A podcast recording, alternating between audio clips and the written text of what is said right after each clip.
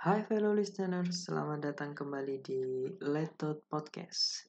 Di mana aku di sini, Lutep, akan ngebahas keresahan, cerita, dan hal-hal ngeganggu lainnya yang bikin kepikiran. Lebih tepatnya aku kepikiran dan hal-hal yang menarik untuk dibahas.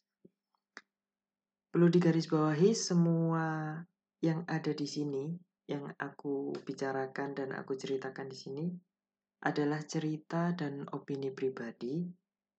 Jadi pastinya bakalan subjektif. Jadi boleh setuju, boleh nggak setuju. Yang penting bakalan seru.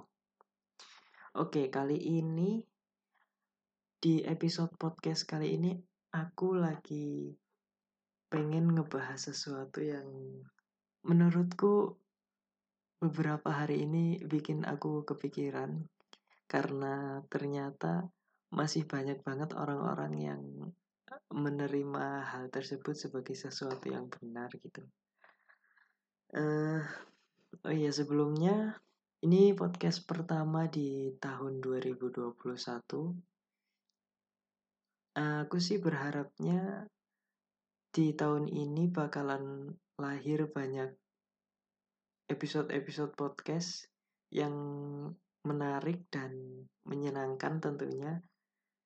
Dan yang lebih tepatnya itu aku sendiri enjoy buat ngerekordnya sebenarnya kemarin waktu awal tahun aku udah sempet ngerekord sesuatu cuma setelah aku dengerin kok kayaknya uh, kurang seru aja gitu buat dibahas. Jadi akhirnya nggak aku uh, airkan nggak aku apa ya bahasa Indonesia nya tuh nggak dipublish.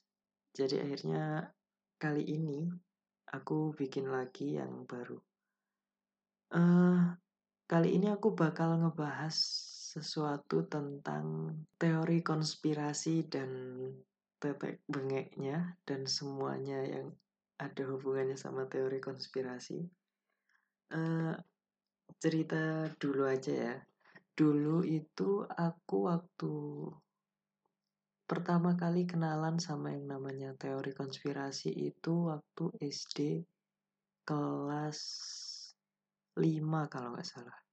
Kelas 5 itu pertama kali aku tahu sama yang namanya teori konspirasi dulu teori konspirasinya masih nggak se apa ya nggak se keren sekarang lah istilahnya. Tapi ya sebenarnya levelnya sama sih sama sama-sama apa ya kebenaran dan fakta fakta-fakta dan kebohongan yang dicampur jadi satu gitu biar banyak orang percaya akhirnya uh, yakin bahwa itu yang sebenarnya terjadi gitu. Sepertinya pembahasan tentang konspirasi ini bakalan panjang karena ya emang aku sendiri uh, sempat jadi apa ya yang percaya banget sama teori konspirasi teori teori teori konspirasi yang ada gitu uh, Mungkin dulu karena waktu kelas 5, waktu kelas 5 SD itu aku baru awal-awal uh, rutin banget uh, uh, apa ya namanya ya rutin banget bersentuhan dengan apa yang namanya internet. Jadi waktu dulu waktu kelas 4 itu sebenarnya kelas 4 kelas 3 itu aku sebenarnya udah udah mulai sering di internet tapi karena dulu rumahnya nggak deket warnet ya. Jadi jarang aja gitu ke warnet karena kebanyakan dulu anak-anak ke warnet juga untuk mainan game online. Sedangkan aku nggak begitu into game online uh, banget gitu. Jadi ya paling cuman buka Facebook atau main-main game Facebook sih. Dulu awal aku bikin Facebook itu juga gara-gara uh, kepengen main gamenya.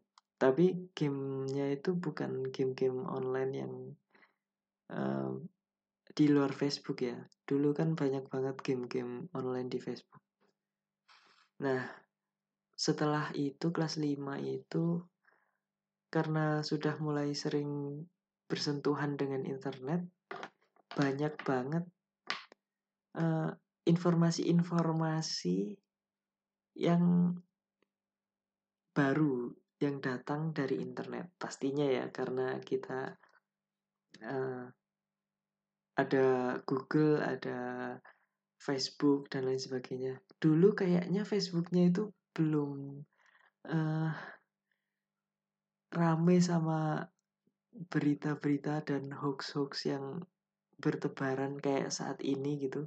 Dulu itu kayaknya lebih banyak lebih banyak apa ya orang-orang alay aja gitu. Orang-orang alay bikin status bikin anu terus apa share-sharean hasil dari game di Facebook gitu. Atau mungkin karena circleku aja dulu ya circle pertemananku nggak ada yang membahas tentang kayak gitu. Terus dulu kan sepertinya juga belum ada yang namanya grup di Facebook ya.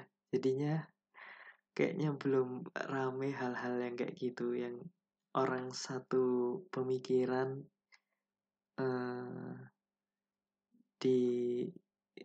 dikumpulin jadi satu gitu akhirnya membicarakan sesuatu yang mungkin itu nggak benar atau ya bohong aja gitu. Sebenarnya aku paling banyak paling banyak mendapatkan informasi-informasi tentang teori konspirasi itu karena aku berkenalan sama yang namanya forum di Kaskus. Dulu waktu SD itu selain buka Facebook, itu juga buka Kaskus. Kayaknya dulu Kaskus itu entah aku lupa udah jadi forum jual beli atau belum. Tapi waktu aku SD itu udah banyak yang namanya forum-forum sama thread-thread tentang ya itu hal-hal yang mind blown lah ceritanya dan kebanyakan sih sebenarnya emang itu teori teori konspirasi teori konspirasi yang terlihat luar biasa gitu. Karena dulu sebenarnya uh, karena aku sebenarnya pintu masuknya itu di ini sih. Karena dari kecil dari kecil dari TK dari SD kelas 1 2 itu aku udah dikenalin sama yang namanya uh, dunia luar angkasa uh, pokoknya yang ada hubungannya sama space lah antara uh, pesawat luar angkasa gitu dan lain sebagainya gitu. Terus waktu dulu juga SD kelas 2-3 karena aku sering pulangnya itu diajak dulu ke kampus dan di kampus itu udah ada koneksi internet jadi ketika aku ditinggal ngajar aku ditinggal di kantor sendiri dibukain sama ayah uh, Google. Terus kemudian uh, di aku buka ke fitur pencarian gambar. Itu aku nyari banyak banget gambar tentang pesawat luar angkasa. Yang dulu aku paling senang adalah pesawat ulang alik itu. Space Shuttle punyanya Amerika. Itu aku nyari nyari gambar-gambarnya sampai akhirnya pada kelas 3 sampai kelas 3 dan kelas 4 kalau nggak salah. Itu di rumah ada komputer jadi tiap tiap habis dari internet ambilin gambar macem-macem terus di download di ditaruh di flash disk yang dulu ukurannya baru 256 MB itu satu flash disk. Aku masih ingat mereknya Kingston. Nah itu di rumah aku semenjak hal semenjak saat itu aku terobsesi banget sama yang namanya luar angkasa dan lain sebagainya itu dan segala macamnya itu. Nah, waktu aku udah bisa internetan sendiri itu kelas 4 kelas 5 itu aku tahu ada ada situs yang namanya Kaskus. Nah, itu aku cari hal-hal tentang luar angkasa di situ karena ada forumnya kan. Nah, mulai di situ itu ada kayak fakta-fakta mencengangkan tentang luar angkasa dan lain sebagainya. Terus sampai pada akhirnya nyambung ke UFO dan alien dan lain sebagainya.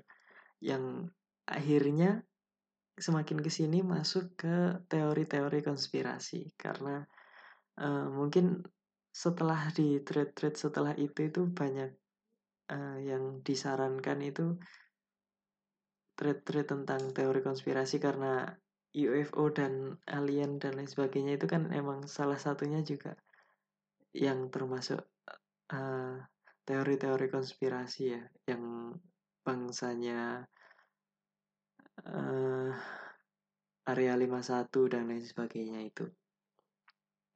Kemudian setelah itu aku aku mulai kenal sama teori konspirasi dan aku percaya dulu. Dulu aku percaya banget sama teori konspirasi dan karena itu sesuatu yang apa ya? Uh, fakta-fakta yang bikin fakta-fakta yang nggak biasa kan karena apa yang biasanya kita yakini seperti ini, oh ternyata bukan, ternyata diam-diam seperti ini atau apa yang tidak kita tahu ternyata seperti ini dan lain sebagainya. Nah, mulai di situ aku kenalan sama teori konspirasi tentang uh, New World Order, New World Order yang uh, hubungannya sama Illuminati dan lain sebagainya itu yang ada hubungannya sama Freemason dan lain sebagainya. Itu aku dulu into banget sama hal-hal kayak gitu sampai sampai pokoknya mendalami lah gitu kayak wah ini teori konspirasi ini menarik. Rahasia-rahasia simbol-simbol dan lain sebagainya. Sampai uh, tahun berapa ya? Aku lupa di jadi dulu di laptopnya ayah itu ada koleksi buku e-book gitu zaman dulu. Bacakan ya kayaknya dulu itu. Uh, bukunya Dan Brown. Bukunya Dan Brown yang uh, Lost Symbol itu yang nyeritain tentang uh, Freemason dan lain sebagainya itu. Dan segala kerumunannya itu aku baca dan aku seneng banget kan karena wah ternyata beneran ada gini ternyata beneran dibuat kayak gini simbol-simbolnya dan lain sebagainya. Uh, kayak aku makin percaya aja gitu makin percaya wah bahwa kayak gini gini gini gitu terus di situlah aku makin apa ya makin wah teori konspirasi ini sesuatu yang uh, semua orang harus tahu uh, ini adalah kebenaran yang disembunyikan dan lain sebagainya gitu. Aku benar-benar apa ya? Ya meyakini banget lah dulu. Terus kemudian pada uh, waktu SMP karena aku mondok ya, jadi nggak nggak begitu banyak hal-hal yang bisa aku dapatkan dari internet karena aku jadi jarang internetan juga. Kalaupun internetan paling cuman ya buka Facebook dan lain sebagainya gitu. Jadi aku udah mulai sedikit melupakan walaupun masih sering terobsesi kalau ada sesuatu sesuatu yang uh, ada hubungannya sama hal-hal tersebut gitu. Terus kemudian waktu SMA kelas 3 kalau nggak salah kelas 3 atau kelas 2 itu rame lagi sama yang namanya uh, flat earth flat earth itu itu itu ceritanya gara-gara ada YouTube Indonesia, channel YouTube Indonesia yang uh, ngejelasin tentang flat earth gitu. Ya waktu itu waktu itu aku udah mulai apa ya, udah mulai uh, udah mulai ngerti lah uh, teori konspirasi itu apa dan lain sebagainya. Jadi udah lebih ah pasti banyak kebohongan-kebohongan yang diciptakan gitu. Karena ternyata ya yang namanya teori konspirasi itu ya teori gitu, teori aja gitu. Cuma uh, bikinan orang yang belum tentu kejadiannya aslinya kayak gitu. Namanya aja teori kan ya teori konspirasi. Biasanya karena uh, sesuatu hal yang banyak orang nggak tahu kejadiannya seperti apa terus akhirnya ada orang-orang yang berusaha uh, cocok logi dan lain sebagainya uh, menyambungkan hal-hal yang sebenarnya itu nggak ada hubungannya sama sekali nah waktu yang flat earth itu rame itu itu banyak juga ternyata orang yang percaya sama adanya sama fakta bahwa bumi itu datar. Uh, aku aku sempat ngikutin juga sih videonya dari awal sampai akhir karena ya menarik buat disimak gitu, terutama karena uh, aku dari kecil kan seneng yang namanya luar angkasa ya. Aku dengerinnya itu sebenarnya karena aku udah bersentuhan sama dunia space sejak kecil ya. Jadi banyak informasi-informasi tentang luar angkasa yang udah aku dapatkan gitu. Jadi aku dengerinnya itu antara antara apa ya kayak disbelief aja gitu kayak ah ngapain sih ini orang ngaco ngomong? gitu. Tapi aku tetap dengerin karena penasaran gitu. Jadi eh, tetap aku perhatikan dan aku ikutin itu aku ikutin sampai eh, aku lihat akhirnya ada komunitas flat earth dan lain sebagainya. Itu ramai banget waktu itu. Mungkin sekarang udah nggak begitu udah nggak begitu apa ya udah nggak serame dulu walaupun sekarang pasti masih ada yang percaya sama hal-hal kayak gitu uh, terus akhirnya oh bahkan ada teman-temanku juga yang percaya sama sempat percaya sama hal-hal tersebut walaupun akhirnya banyak di bank-di bank yang bermunculan ya tentang wah bahwa bumi itu nggak mungkin datar dan lain sebagainya gitu.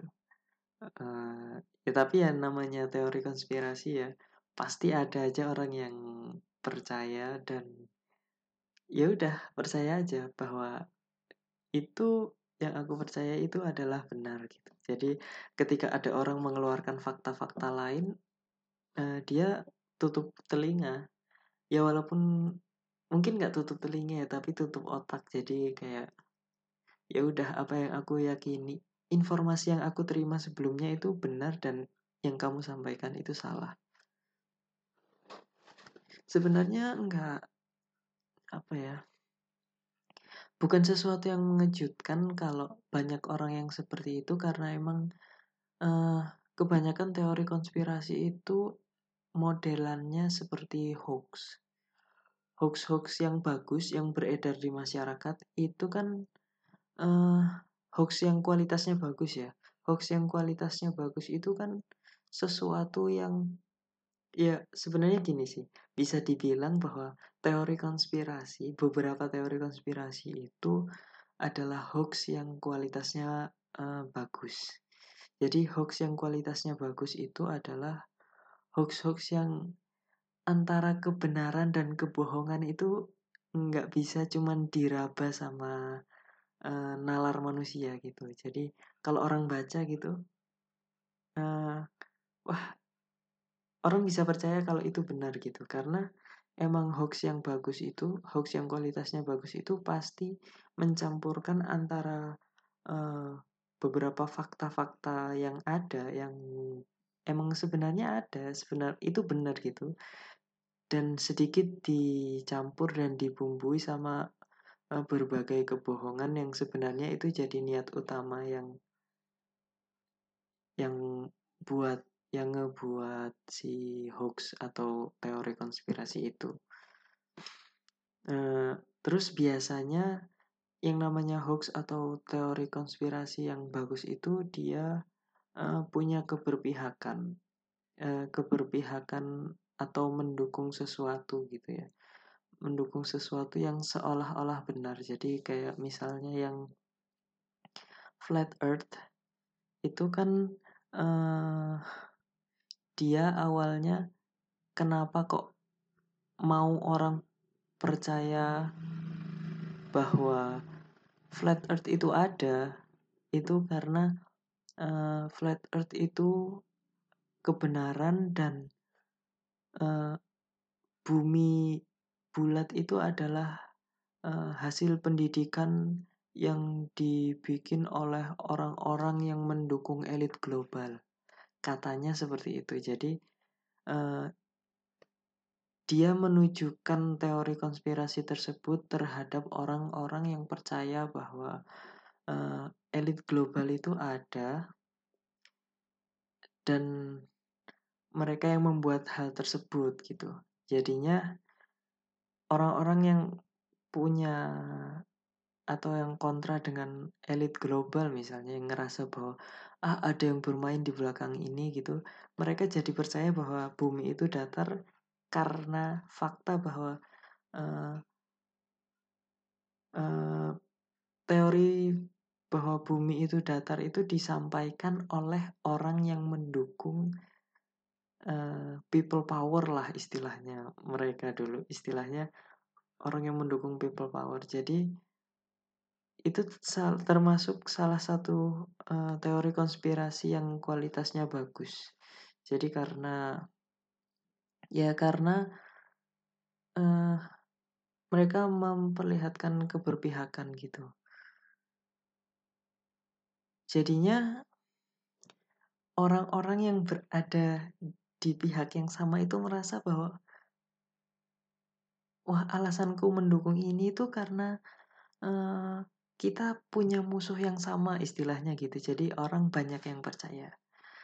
Walaupun ya sebenarnya nggak bener aja gitu bahkan sampai sekarang pun masih banyak orang-orang yang masih percaya bahwa flat earth it, uh, bumi itu beneran datar dengan segala hal dengan segala hal yang uh, udah ada sekarang bahkan internet yang seperti itu bahkan ada uh, pesawat ulang alik. Sebenarnya bukan pesawat sih roket.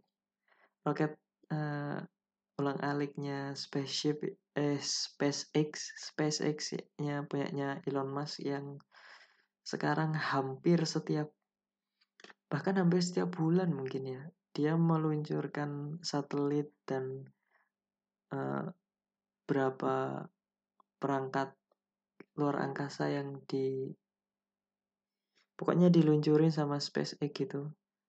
Sesering itu pun aja bahkan bahkan ada apa ya namanya ada live view-nya itu aja bahkan orang masih nggak masih percaya bahwa bumi itu datar itu bukti bahwa yang namanya teori konspirasi itu kalau nah, kalau dia menunjukkan sebuah keberpihakan gitu ketika orang berada di pihak yang sama itu mereka merasa bahwa musuhnya sama dan akhirnya percaya sama kata-kata orang tersebut. Padahal belum tentu kata-katanya itu benar.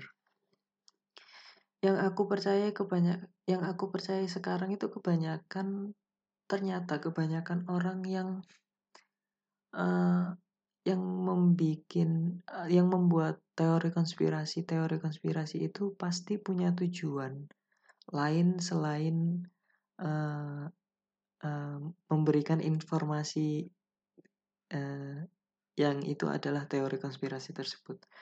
Uh, salah satunya itu yang uh, bumi datar itu, yang flat earth itu, dia dulu bilang bahwa dia sama sekali nggak ambil duit AdSense dari YouTube karena ini murni khusus untuk menyampaikan kebenaran gitu apa slogannya kan. Kebanyakan teori konspirasi emang gitu berbicara tentang wah bahwa apa yang disampaikan adalah sebuah kebenaran yang ditutup-tutupi dan uh,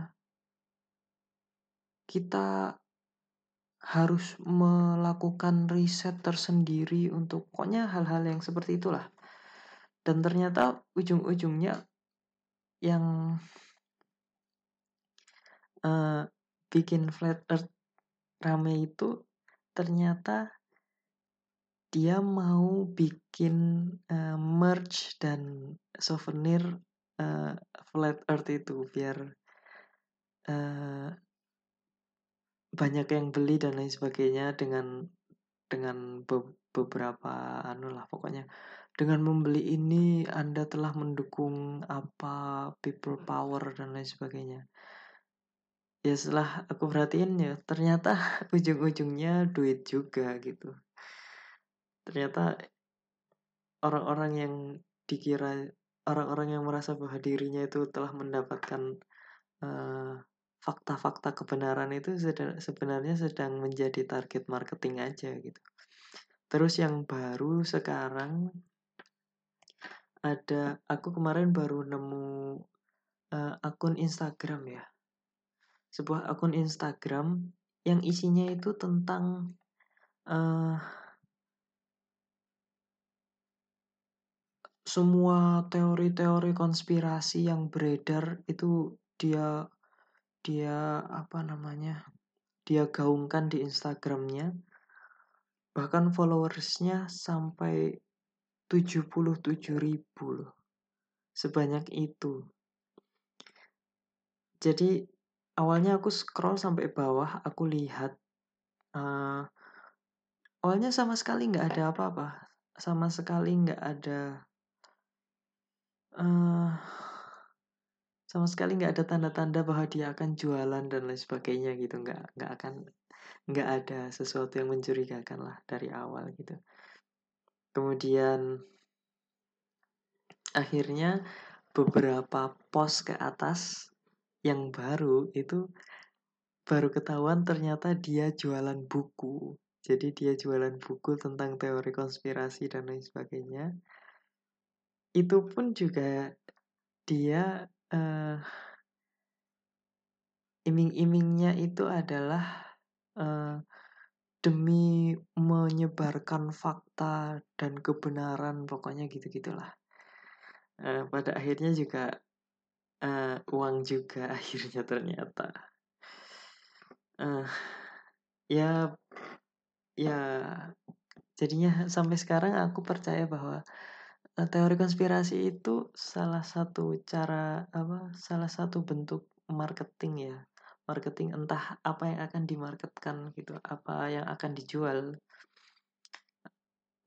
Atau mungkin bukan teknik marketing ya teknik promosi lah teknik promosi yang menyasar orang-orang yang uh, niche-niche yang sesuai sama uh,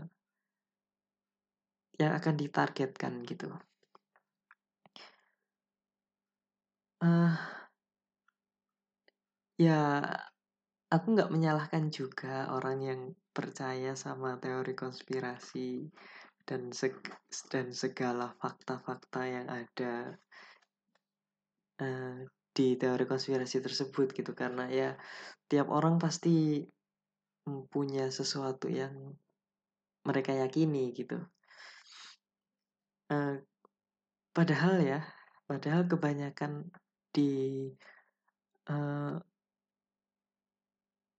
di forum-forum teori konspirasi dan di bahkan di akun-akun IG yang ada hubungannya sama teori konspirasi yang menjelaskan teori konspirasi dan lain sebagainya itu bahkan mereka sendiri bilang bahwa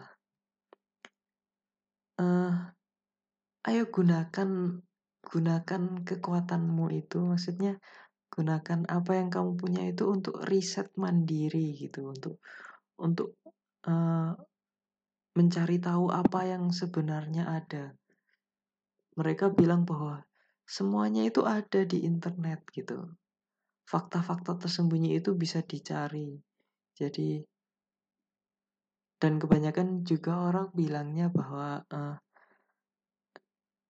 kita itu sudah dibohongi oleh fakta-fakta yang disebar oleh media massa. Dan walaupun itu mungkin separuhnya benar ya karena media massa sekarang kebanyakan kan ya emang ya namanya perusahaan kan ya pasti butuh traffic dan lain sebagainya jadi ya apa yang menurut mereka perlu disiarkan ya mereka siarkan gitu tapi juga nggak sepenuhnya benar gitu bahwa bahwa mereka mengalihkan sesuatu agar agar kita dan kita harus mencari tahu sendiri di internet kebenaran-kebenaran yang ada gitu. Tapi kebanyakan dari mereka karena mereka udah berada di echo chamber mereka ya. Jadi karena mereka udah berada di orang uh, orang-orang sekeliling mereka yang meyakini hal-hal yang sama gitu. Jadi mereka akan mencari hal-hal di internet uh, sesuatu yang menurut mereka memuaskan memuaskan apa yang ada di echo chamber mereka. Jadi sebenarnya mereka sudah yakin dulu gitu sama sesuatu tersebut baru mereka riset ke internet. Kemudian setelah riset ke internet sebenarnya fakta-fakta yang ada itu banyak. Misalnya A, B, C, D sampai Z lah gitu. Tapi karena mereka udah yakin dan percaya bahwa yang benar adalah fakta B, C, D, jadi ketika mereka mencari ke internet, mereka akan berusaha mencari fakta-fakta yang sesuai dengan fakta BCD tersebut. Fakta-fakta yang lain akan mereka mereka buang. Uh, aku mulai kenalan sama dunia saintifik atau apa ya dunia ilmiah lah gitu. Hal-hal yang sifatnya ilmiah dan segala macamnya gitu.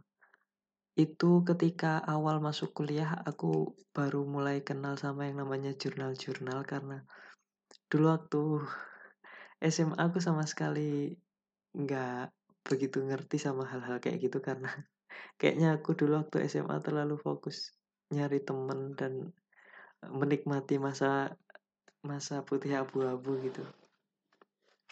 Uh, aku mulai kenal sama jurnal-jurnal saintifik, jurnal-jurnal internasional dan jurnal-jurnal yang ada di internet ataupun yang diterbitkan di buku-buku itu mulai kuliah dan sebenarnya kalau kita bisa ya dan kita mau mencari fakta-fakta yang sebenarnya yang yang sudah terbukti secara ilmiah dan ada bukti konkretnya gitu sebenarnya kita nggak akan mudah tertipu atau termakan sama banyak teori-teori konspirasi yang ada. Karena yang namanya uh, jurnal ilmiah itu pasti pasti uh, kalau yang benar-benar diterbitkan yang artikelnya diterbitkan di jurnal-jurnal Q1 misalnya entah apa pun bidangnya ya itu pasti terlihat mana jurnal yang benar-benar uh, dilakukan riset dan segala sesuatunya itu sesuai sama kaidah-kaidah ilmiah gitu. Jadi hasilnya yang keluar itu pasti uh, sesuai dengan fakta-fakta yang ada. Karena di dunia uh, riset dan eh, hal-hal yang seperti itu itu yang namanya kredibilitas itu benar-benar jadi sesuatu yang dipertaruhkan gitu. Karena kalau kalau orang ngebuat artikelnya ngasal terus kemudian dimasukkan ke jurnal yang bergengsi gitu yang pertama pasti nggak akan diterima karena nggak sesuai sama kaidah-kaidah uh, ilmiah mungkin atau bahkan orang yang ada orang yang menerbitkan hal tersebut itu namanya bisa kita cari wah beritanya bahwa ini itu bukan sesuatu yang uh, valid lah gitu. Uh, seperti yang ceritanya waktu awal uh, pandemi covid kemarin kan ada yang bilang bahwa covid itu uh, tidak nyata itu uh, hanya konspirasi teori konspirasi dan lain sebagainya terus banyak yang percaya karena yang bilang itu adalah dokter. Uh, dokter siapa gitu. Ternyata setelah dicek dan dicek itu orangnya itu iya emang dokter bener dokter. Cuma uh, ternyata dia udah di udah di apa ya tidak dipercaya lah kredibilitasnya sebagai anu jadi track recordnya itu udah berantakan. Jadi pada akhirnya ya ya walaupun masih banyak orang yang percaya sampai sekarang sih.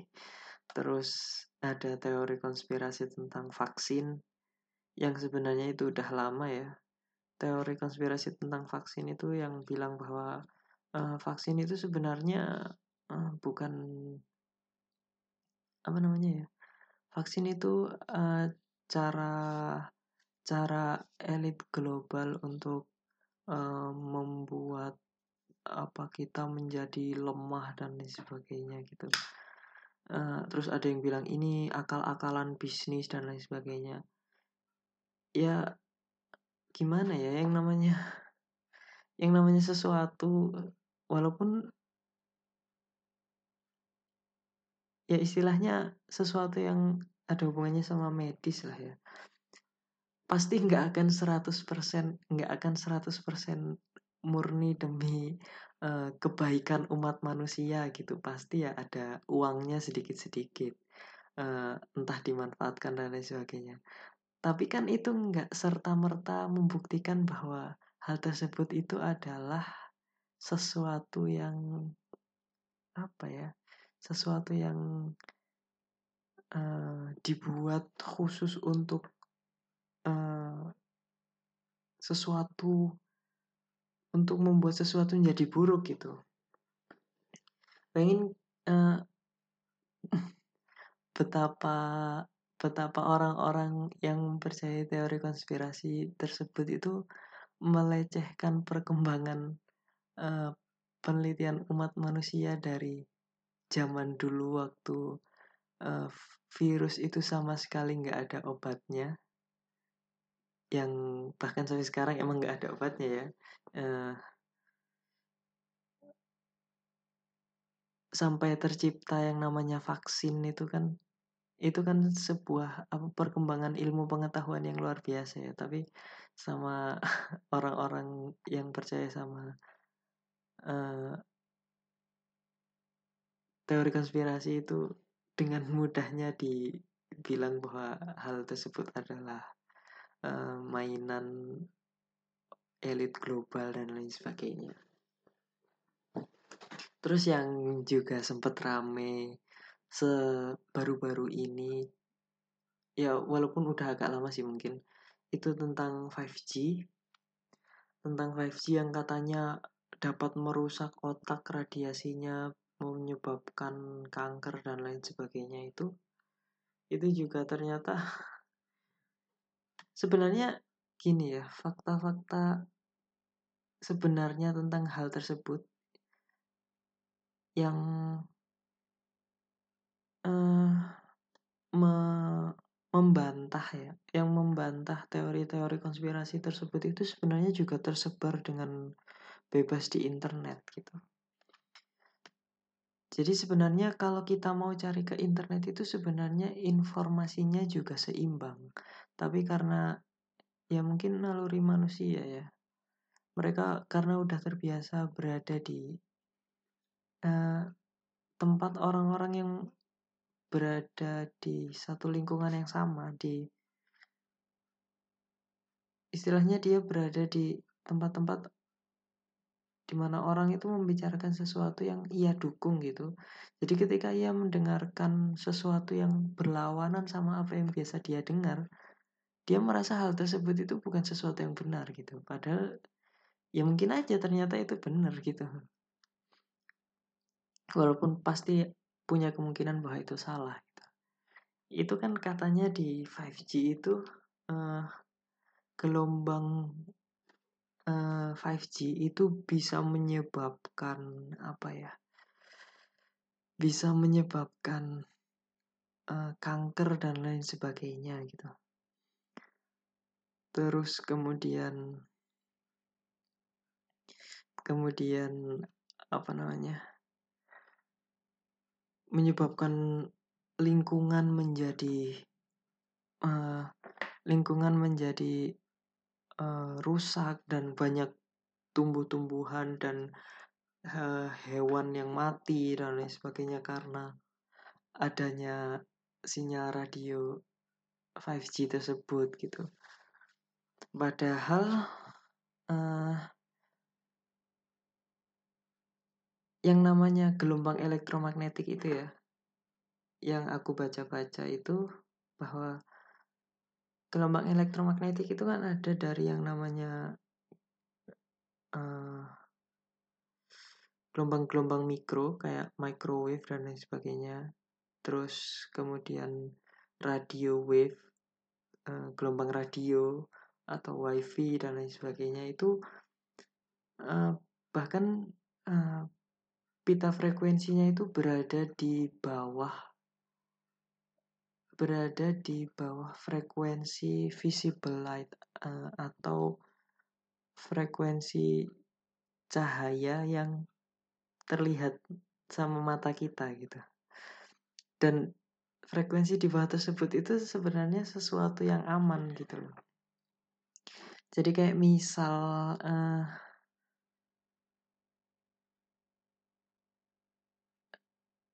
misalnya gini deh uh, gelombang gelombang internet yang digunakan untuk wireless gelombang gelombang radio yang digunakan untuk wireless itu kan yang sekarang itu kebanyakan pita pita frekuensinya berada di 2,4 GHz sampai atau 5 GHz. Itu aja bahkan nggak bisa kita lihat sama mata kita loh. Dan itu ternyata frekuensi tersebut itu tidak berbahaya untuk manusia. Uh, di bahkan 5G itu juga kemarin aku baca berada di pita frekuensi atau band uh, eh, 2,5 itu di atasnya 2,4 GHz itu berarti deket-deket sama wifi.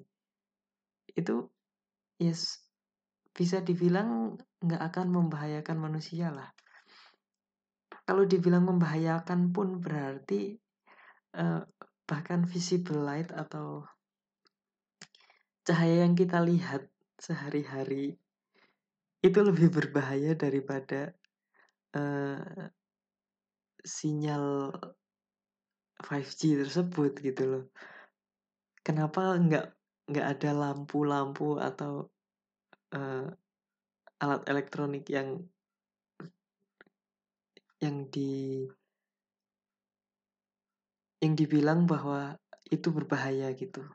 Terus ada kemudian ada teori konspirasi tentang itu juga apa namanya? sodium fluoride dalam sodium fluoride dalam pasta gigi yang katanya berbahaya gitu. Uh, ternyata setelah dibaca-baca fakta yang sebenarnya adalah bahwa isodium fluoride itu memang berbahaya dalam jumlah banyak sama kayak uh, sama kayak misalnya kayak kita minum kopi terlalu banyak gitu juga pasti kita bakalan muntah-muntah karena ya emang sesuatu yang banyak yang terlalu banyak itu yang nggak baik kan terus ada yang bilang bahwa uh, kandungan fluoride dalam sikat gigi itu berbahaya untuk manusia gitu di teori konspirasi tersebut. Nyata setelah diteliti kandungan uh, sodium fluoride atau natrium fluoride yang ada di sikat gigi itu nggak lebih banyak atau bahkan ada di di sikat gigi alami yang itu adalah siwak. Kalau misalnya yang dianjurkan untuk digunakan aja mengandung fluoride, kenapa kita nggak kita dilarang menggunakan yang mengandung fluoride juga gitu. Ya walaupun aku nggak begitu expert di situ ya aku berusaha mencari sesuatu yang uh, ada lah. Terus yang lucu juga itu adalah uh, ada yang bilang bahwa kandungan dalam uh, sebuah apa ya makanan atau apa gitu ternyata adalah bahan bahan baku pembuatan roket gitu katanya. Bahan baku pembuatan roket. Terus sangat berbahaya karena bayangkan kita memakan uh, apa yang apa yang kita makan itu ternyata adalah bahan baku pembuatan roket gitu. Uh, yang banyak orang nggak tahu bahwa salah satu oxidizer roket yang buat ulang alik itu adalah liquid oksigen atau oksigen cair yang digunakan untuk uh, mengoksidasi biar kalau di luar angkasa itu bahan bakarnya itu bisa terbakar dengan sempurna karena ada oxidizernya tersebut. Nah kalau misalnya gitu, masa kita juga nggak boleh uh, menghirup oksigen padahal manusia butuh oksigen untuk bertahan hidup gitu. Itu salah satu apa? Salah satu fakta bahwa kebanyakan teori konspirasi itu men, apa? Memberikan sesuatu yang menakutkan dan apa ya? menyampaikan sesuatu yang menakutkan dibalut dengan fakta-fakta bohong dan lain sebagainya yang ya mungkin beberapa ada faktanya karena kalau semuanya bohong itu pasti ya gampang ditebak gitu ah ini pasti bohong gitu tapi ya yang membuat kebohongan itu menjadi sempurna kan ya emang dibalut dengan sedikit kebenaran kebenaran yang ada gitu. Jadinya ya banyak orang yang percaya. Kalau aku sendiri sekarang sih ya aku pak aku ketika ada sesuatu yang seperti itu pasti aku bakal berusaha nyari uh, literatur yang ada nggak cuman di satu pihak aja gitu. Jadi aku nggak berada di dalam echo chamber keberpihakan gitu jadi kita bisa melihat sesuatu dengan lebih jernih lah istilahnya. Nggak terbawa dengan uh, apa ya emosional kita gitu. Jadinya bisa lebih objektif lah istilahnya. Uh, kalau saranku sih yang namanya teori konspirasi teori konspirasi tersebut itu jangan ditelan bulat-bulat ya. Uh, apalagi dicerna terus-menerus gitu karena lama-lama modelnya kayak brainwashing. Jadi kayak lama-lama kita jadi percaya bahwa hal tersebut itu yang sebenarnya adalah kebenaran padahal sebenarnya bukan gitu terus sesuatu yang sesuatu yang sering aku pertanyakan kepada diriku sendiri terhadap orang-orang yang percaya bahwa teori konspirasi itu adalah sebuah fakta yang tak terbantahkan gitu. Fakta yang benar bahwa sesuatu yang sebenarnya itu ditutup-tutupi dan ini adalah fakta yang benar. Eh, yang itu adalah teori konspirasi tersebut. Itu aku berpikir gimana ya? Mereka yakin bahwa apa yang ditutup-tutupi itu sebenarnya adalah faktanya karena kebanyakan kebanyakan orang-orang yang percaya sama teori konspirasi itu juga percaya sama uh, sesuatu-sesuatu yang uh, apa ya mereka sudah terlalu percaya sama hal-hal tersebut gitu jadi kayak istilahnya jadi menutup mata gitu. Banyak orang-orang yang kayak gitu yang kemarin yang paling yang paling dekat aja yang yang kemarin di uh, di Facebook atau di Instagram pasti banyak yang namanya uh, uh, COVID adalah uh, buatan dan tidak benar adalah ini adalah uh, pokoknya dan lain sebagainya gitulah yang uh, teori konspirasi teori konspirasi tentang COVID gitu. Terus kemudian setelah mereka post itu di Facebook dan di Instagram, kemudian sama Instagram sama COVID eh sama sama Instagram sama Facebook kan dikasih flag ya, dikasih flag bahwa ini adalah uh, berita palsu gitu. Terus sama mereka, mereka-mereka yang percaya sama teori konspirasi tersebut itu justru mengamini gitu kayak Nah, mereka percaya bahwa uh, tuh kan bener ini itu sesuatu yang ditutup-tutupi. Buktinya setelah setelah kita post justru dibilang informasi palsu oleh Facebook dan lain sebagainya. Itu kan sebenarnya apa ya?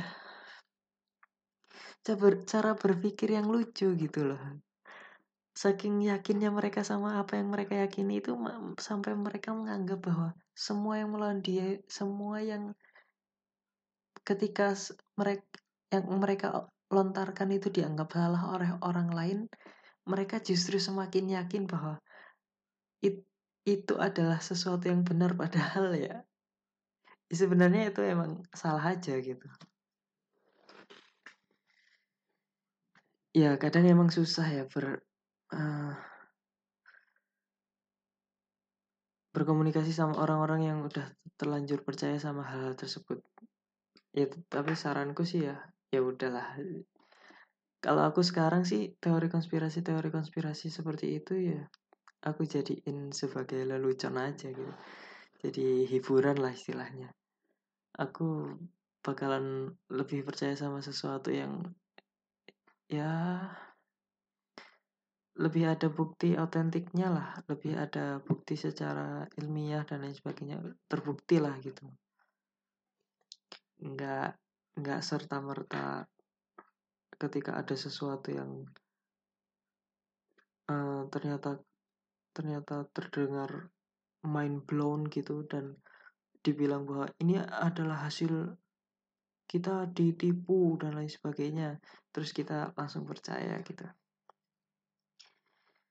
Uh, intinya di di zaman keterbukaan informasi seperti sekarang ini ya kita harus benar-benar uh, hati-hati banget yang namanya mencerna informasi. Jadi kita nggak gampang dibodohi sama sesuatu yang ada di internet atau di media yang adalah uh, selalu lakukan cek dan recheck supaya kita nggak mudah dibohongi sama fakta-fakta atau hal-hal yang terlalu mencengangkan untuk didengar gitu. Ya sebenarnya intinya hati-hati aja sih sama hal-hal tersebut gitu.